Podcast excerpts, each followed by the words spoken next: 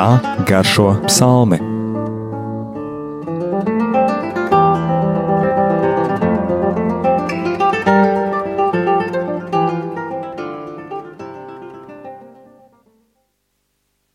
Slavēts Jēzus Kristus. Mūžīgi mūžos slavēts. Studijā Stela un Anģela.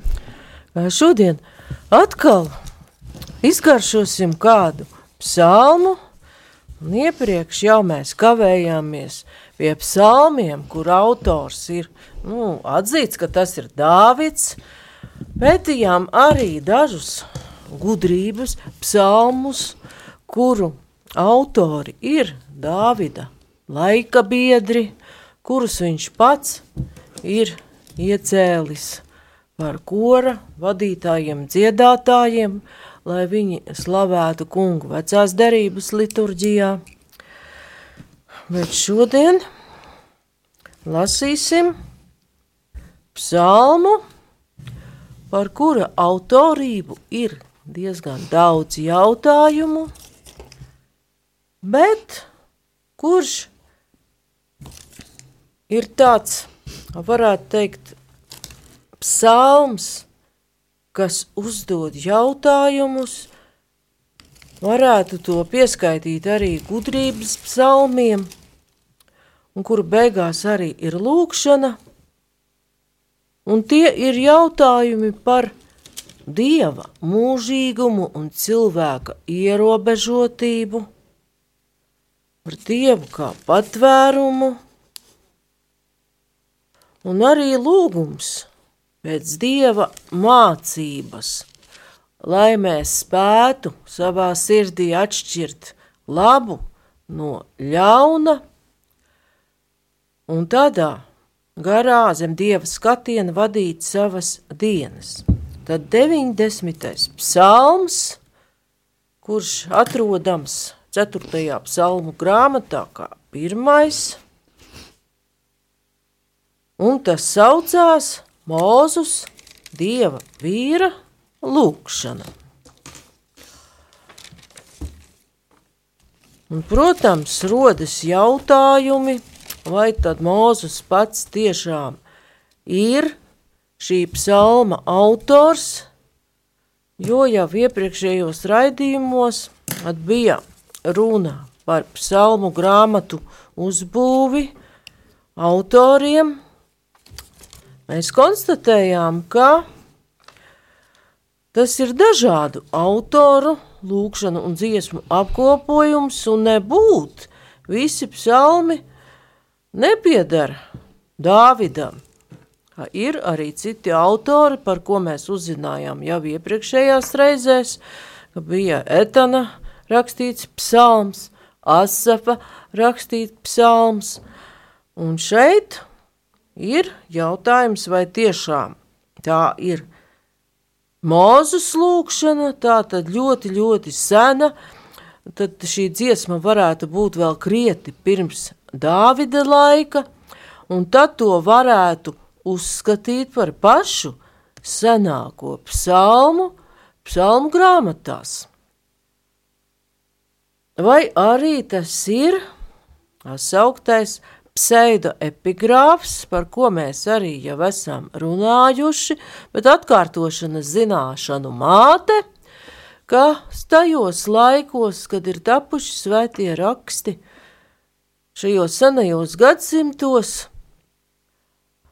minēt kādu ievērojumu personu, kā darba autoru, nebūtu neskaitījās plaģiāta taisīšana. Tā bija pavisam normāla Un tagad to sauc par pseido epigrāfu, un ar šo pat apliecināja cieņu tai personai, kuras vārds ir minēts attiecīgā darba sākumā. Tāpat mēs zinām, piemēram, Salamana gudrības grāmatu, kuras autors noteikti nav Salamans, bet tā ir tapusi jau krietni pēc Salamana, apmēram otrā gadsimtā pirms Kristus. Un otrais uzskats ir tāds, iespējams arī ticamākais, ka šī mūzus dieva vīra lūkšana tik tiešām ir pseidoepigrāfs un varētu būt tapusi Babilonas trimdas laikā, un tās noskaņa tiešām atbilst tāda cilvēka situācijai, kurš jūt, kurš redz un saprot, ka Dievs no viņa ir it kā aizgājis. Un kad nelabvēlīgā situācija, vai tas ir bābeles gūsts, vai arī mūsu pašreizējā situācija ar slimību ļoti ievelkas, mēs sākam tomēr domāt par laiku, kad tas ir īss, garš un kā novērtēt laiku iepratim Dieva mūžīgumam un viņa pārlaicībai. Vēl, ja mierīgi lasām šo mūzus lūkšanu, šī darba stilā ir zināma līdzība ar mācību teicēju, jeb koheletu, sauc arī Salamats mācītājs jaunajā tulkojumā. Nu, piemēram, ja mēs palasam 90. psalma trešo pantu, tu cilvēkus atkal dari par pīšļiem un saki, griezieties atpakaļ, jūs cilvēku bērni. Ja tūkstoši gadi tavā priekšā ir kā vakardiena, kad tā pagājusi kā vienas nakts sardze, un ļoti līdzīgas noskaņas tekstus mēs varam atrast, piemēram, Salamans mācītājs.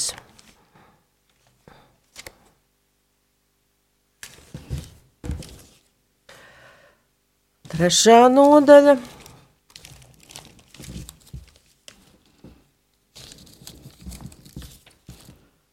Un 20. 21. pants.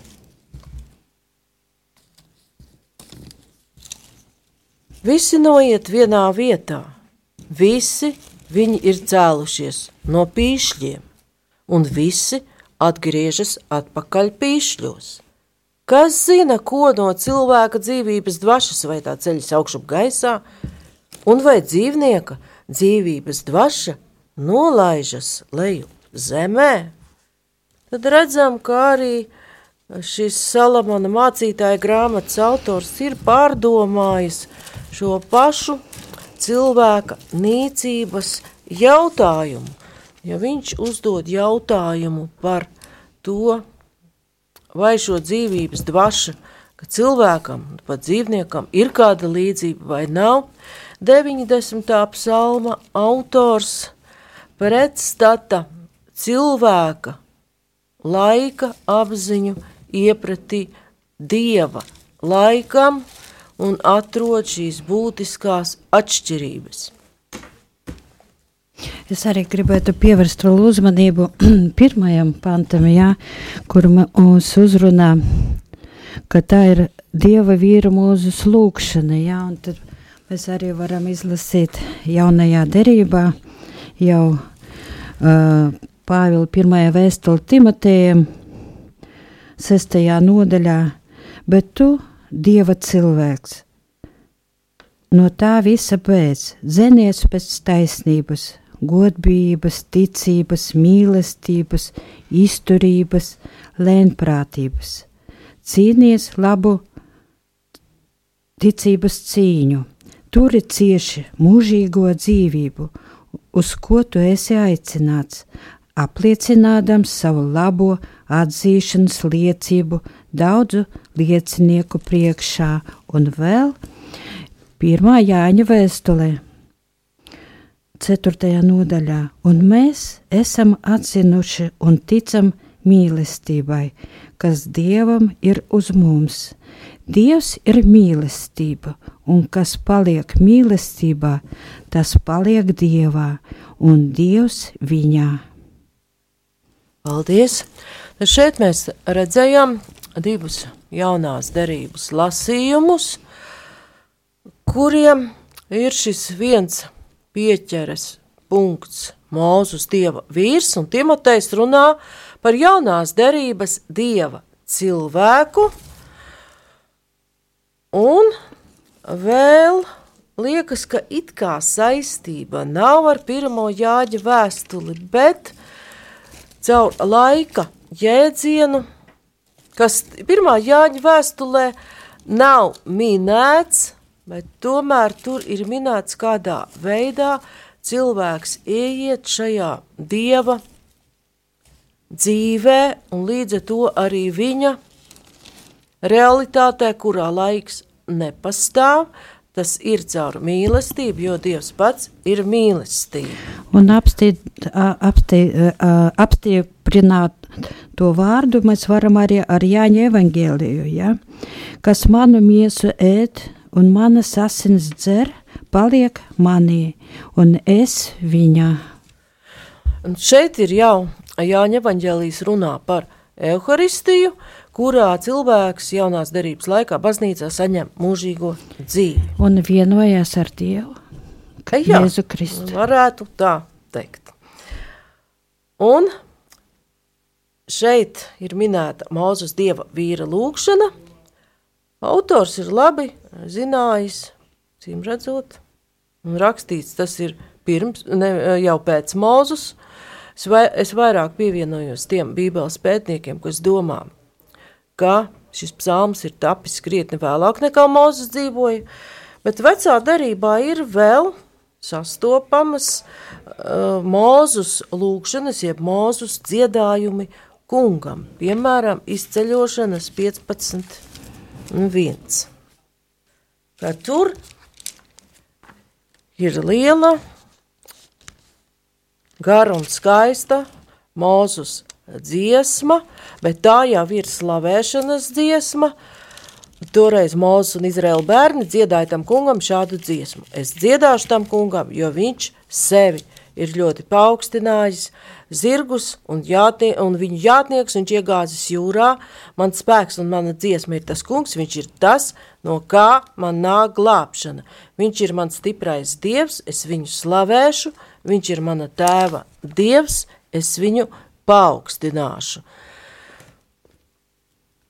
Un šeit Mūzus apdzied šajā slavēšanas lūkšanā izceļošanas notikumu, kurā eh, kungs atpestīja izrēliešus no viņu ienaidniekiem un izved neiespējamā veidā cauri sarkanajai jūrai, ko mēs jaunās derības izpratnē jau varam saprast kā izvešanu no grēka verdzības, un Mūzus ir Jēzus pirmtēls, kurš ieved jau tajā, Jēzus ieved jau tajā apsolītajā zemē, kurā laiks vairs nepastāv, un cilvēks ir pilnīgā vienotībā ar Dievu. Arī atkārtotā likuma grāmatā 32. nodaļā ir Mūzus dziesma, bet jau citos apstākļos.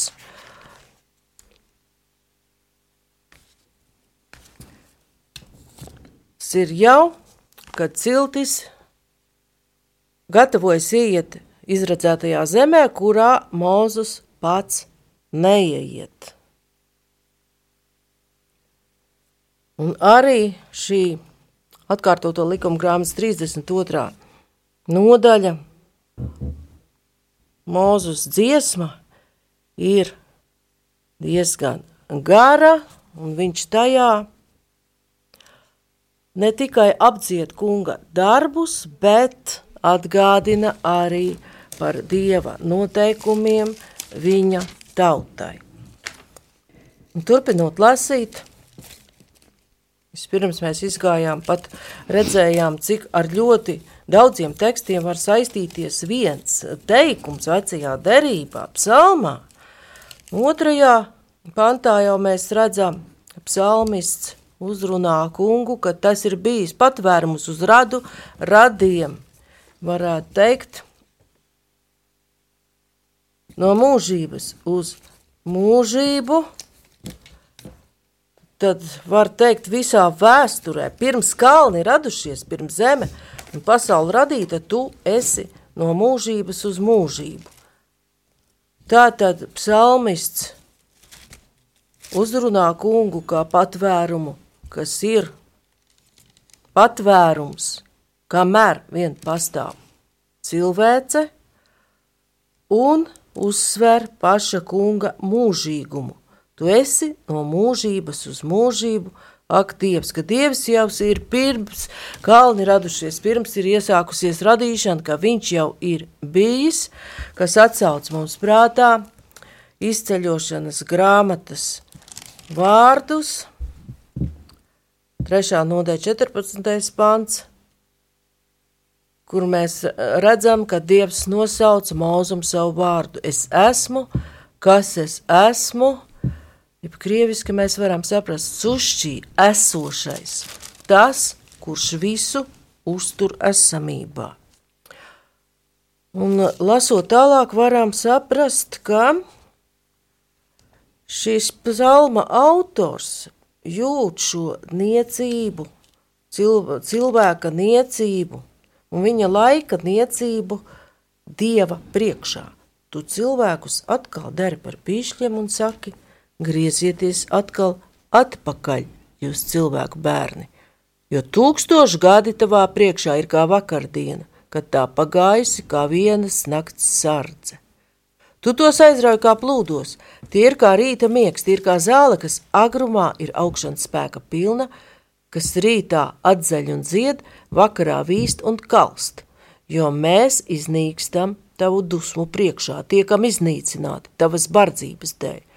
Tu liec mūsu noziegumus savā priekšā, mūsu apslēptos grēkus sava vaiga gaismā, jo visas mūsu dienas zūd tavu dusmu kvēlē. Mēs pavadām savus gadus kā pasaku. Mūsu dzīvības laiks ir 70 gadi, un ja kāds ļoti stiprs 80 gadi, un mūsu ieguvums ir grūtums un bēdas, tas paiet ātri, un mēs aizlidojam kā ar spārniem.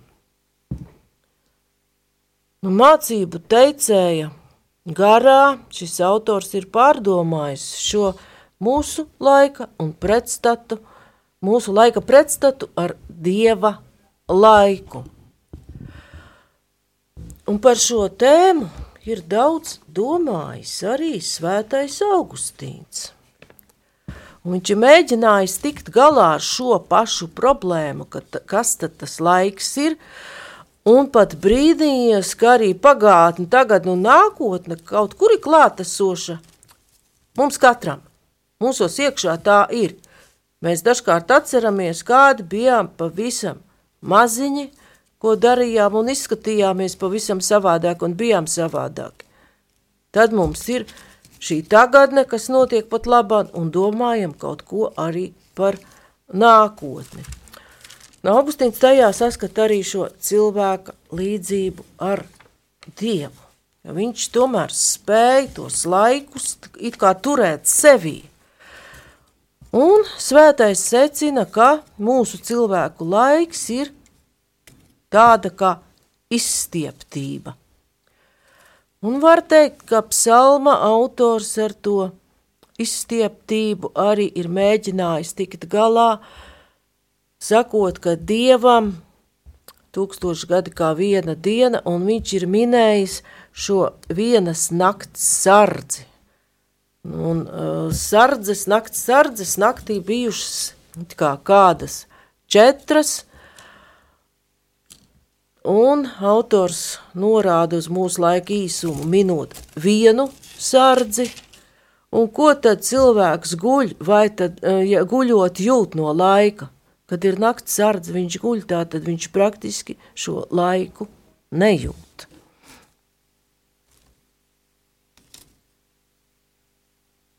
Un vēl no psalmista vārdiem varam saprast, ka šis laika īsums ir iestājies un laiks tiek it kā cilvēkam atvēlētais samazināts, tāpēc, ka cilvēks grēko.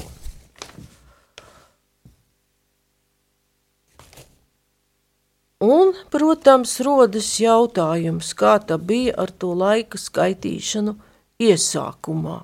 Bija vai nebija? Ja lasām radīšanas grāmatu, kā tad notika iesākumā, mēs lasām 4. pantā, 1. nodaļā radīšanas. Dievs redzēja gaismu labu esam un Dievs šķīra gaismu no tumsas. Un Dievs nosauca gaismu diena, un tumsu nosauca nakts, un tapa vakars, un tapa rīts viena diena. Tad varam redzēt, ka šeit ir iesākusies tomēr laika skaitīšana.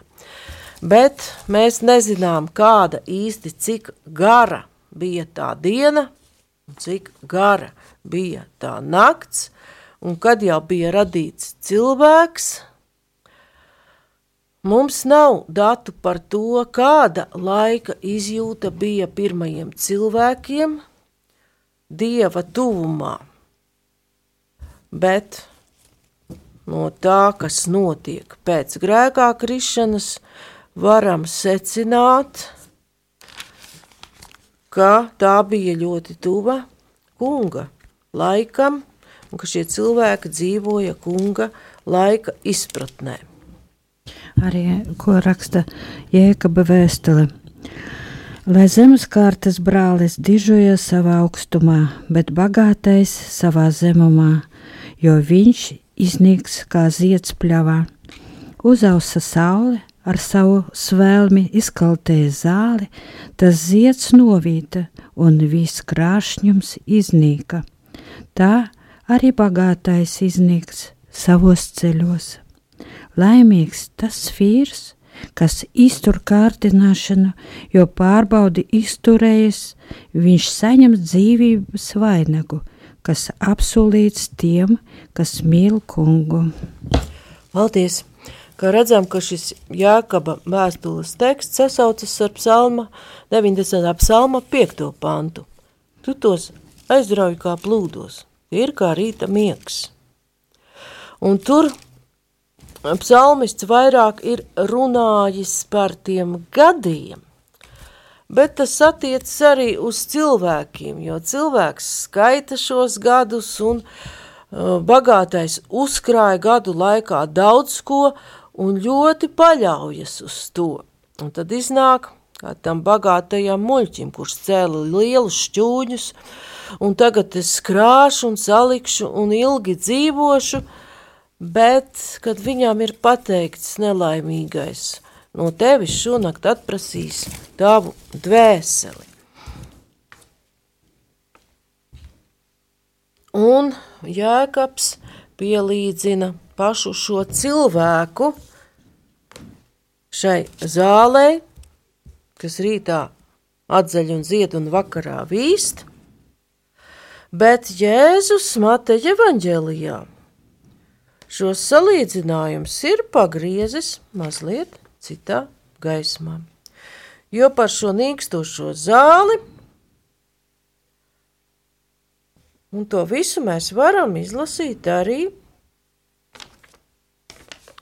Mateja evaņģēlijas 6. nodaļā, 25 līdz 30. pāns, varbūt visus nelasīsim, jo atskatoties uz Jēkaba vēstuli, kur tad bija tā bagātnieka nelaime, un tur Jēkabs tālāk vēl pa bagātniekiem raksta ļoti skarbi, ka jūs esat barojuši savas sirdis kaujamai dienai. Vai bagātība kā tāda īsti ir bijusi nelaime un slikta, tādu lietu mēs neatradīsim. Arī Jēzus nesaka nekur, ka bagātība kā tāda ir slikta, bet ka bagāts grūti ieies Dieva valstībā, jo viņam ir šī tieksme paļauties uz to, ko viņš pats, nu, godīgākā vai negodīgākā ceļā ir savācis un licis savos krājumos. Un Jēzus šos vārdus par zāli laukā pagriež citā rakursā. Tāpēc es jums saku, nezūdaities savas dzīvības dēļ, ko ēdīsiet un ko dzersiet, ne arī savas miesas dēļ, ar ko ģērbsieties. Vai dzīvība nav labāka nekā barība, un vai miesa nav labāka nekā drēbes? Skatieties uz putniem gaisā, ne tie sēne pļauj, ne tie sakrājas čūņos, un jūsu debes tēvs tos baro. Un vai tad jūs neesat daudz labāki nekā viņi? Kurš jūsu starpā var ar zudīšanos savam mūžam pielikt kaut vienu olekti? Un kāpēc jūs zudāties apģērbu dēļ? Mācēties no puķēm laukā. Kā tās aug, ne tās strādā, ne tās vērpi. Un tomēr es jums saku, ir salamans visā savā godībā nav bijis tā apģērbts, kā viena no tām. Ja tad dievs zāli laukā, kas šodien stāv un rīt tiek iemesta krāsnī, tā ģērbja, vai tad ne jūs, daudz vairāk kā jūs, jūs mazticīgie? Tātad Jēzus to apskata jau no citas puses, ka cilvēks, kas paļaujas uz kungu, ir ne tikai vērtīgāks par šo zāli, bet ka kungs pats gādās, lai viņām būtu viss nepieciešamais. Un tur ir šī būtiskā atšķirība no tā bagātnieka, kurš neskatoties, ka viņa dzīves ilgums ir tāds kā tā zāle, par kuru mēs minējām, krāja mantu tā it kā dzīvot tūkstošu gadus jau cilvēku izpratnē. Šo izteikumu psalma, ka dievam tūkstoši gadi ir kā viena diena, atceras arī otrās Pētera vēstules autors. Jaunajā derībā, otrā Pētera vēstule – Trešā nodaļa, astotais pants. Bet to vien turiet vērā, mīļie, ka viena diena tam kungam ir kā tūkstoši gadi, un tūkstoši gadi kā viena diena.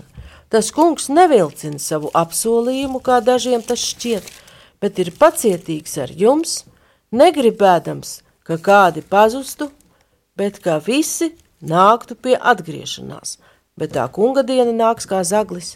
Tanī dienā debesis ar lielu troksni sudīs, un pasaules pamati degdami izjuks, un zeme un viss, kas uz tās radīts. Un Pētera vēstulē tas ir jau ar skatienu uz nākotni, uz kunga otro atnākšanu. Un viņš cenšas atbildēt cilvēkiem uz šo jautājumu, kur kungs kavējas. Jo arī pirmkristiešu laikos uh, viņi gaidīja ātru kunga atgriešanos, bet, kā redzam, vēl šodien mums ir 2021. gads, dažādas lietas pasaulē notiek, bet šķiet, kungs kā nenāk, tā nenāk, dažādas nepatīkamas lietas ievelkas un ievelkas, Neviens vien varbūt jautā, kāpēc tā pandēmija jau ir veselu gadu un ko ar to iesākt, bet vēsturē varam atcerēties, ka viduslaikos bija simt gadu karš, kad vesels simts gadus cilvēku karoja.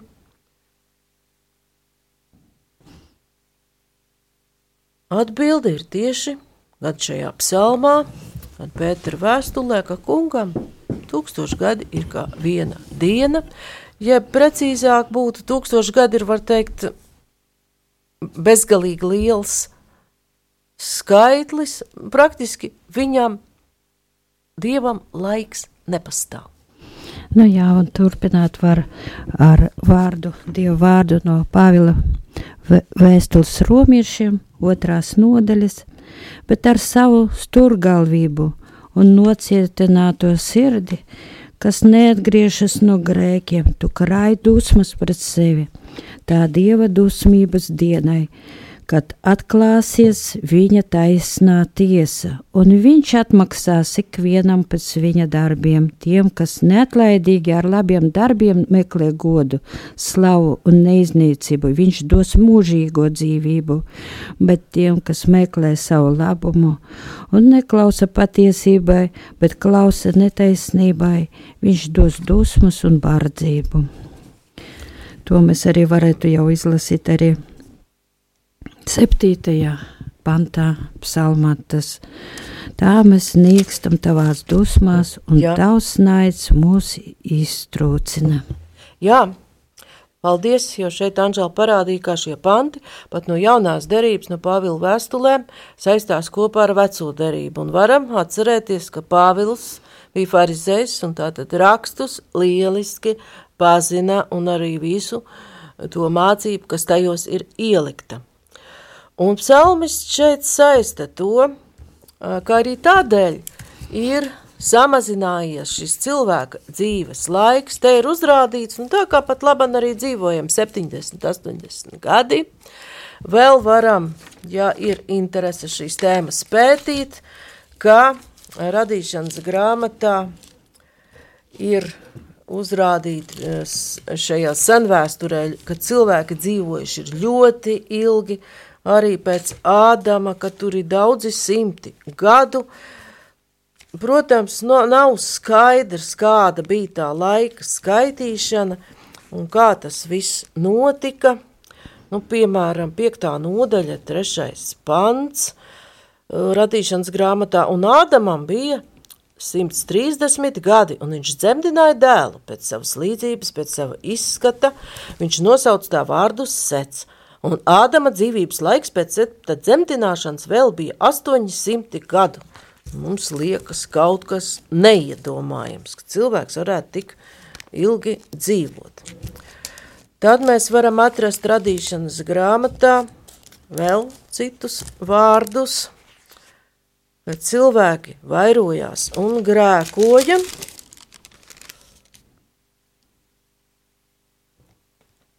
Un nos laikos jau Dievs reaģē uz to. Sestā nodaļa iz, uh, radīšanas grāmatā, trešais pants. Tad Dievs sacīja, mans gars nevar mūžīgi būt ar cilvēku, jo tas ir miesa. Viņa mūžs, lai ir 120 gadu. Jau mazāk cilvēks ir miesa, un šajā gadījumā vēl rodas tās pārdomas, kas notika, kad Dievs izdzina cilvēkus no ēdenes un ieģērba viņus ādās.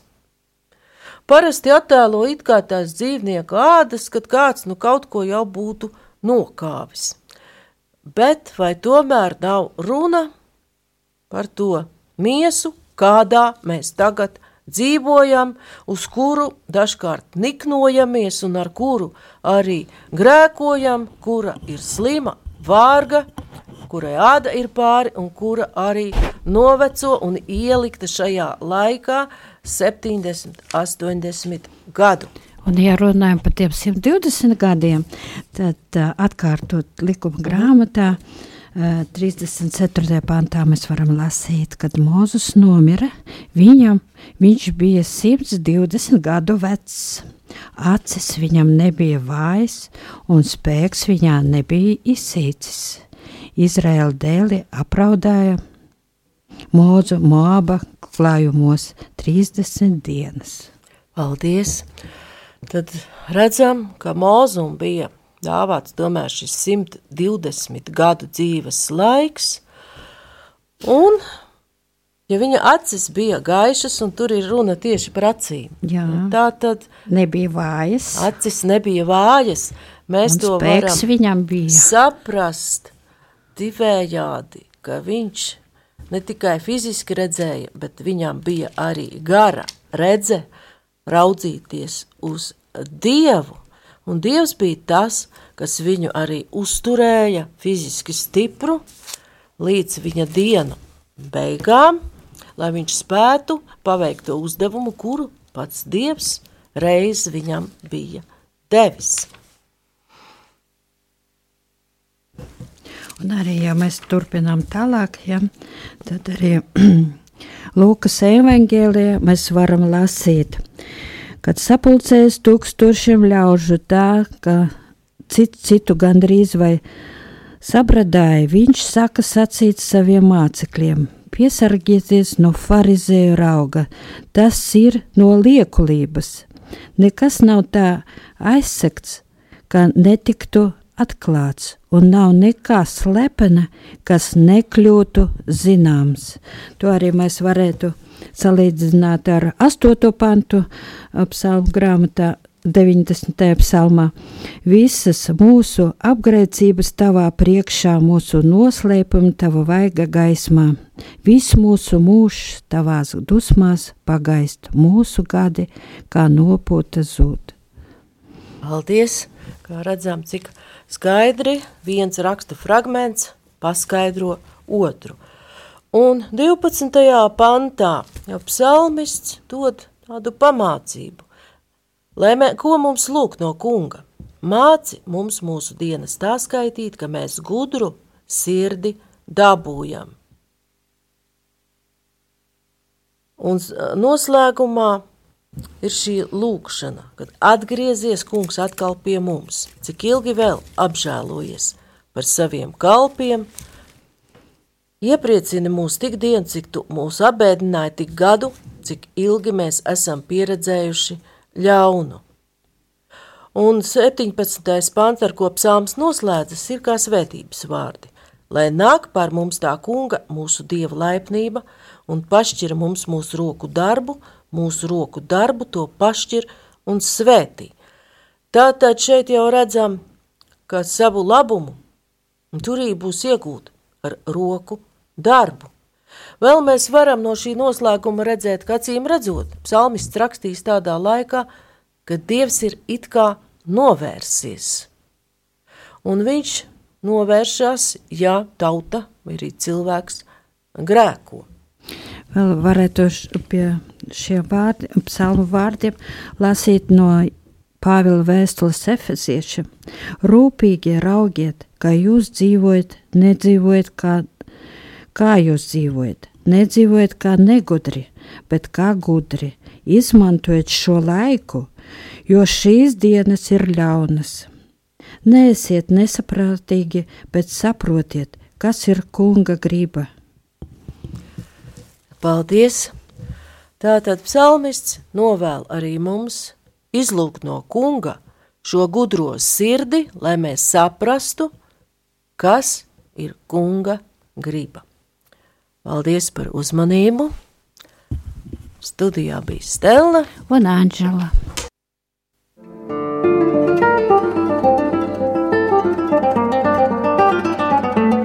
Kā garšo psalmi?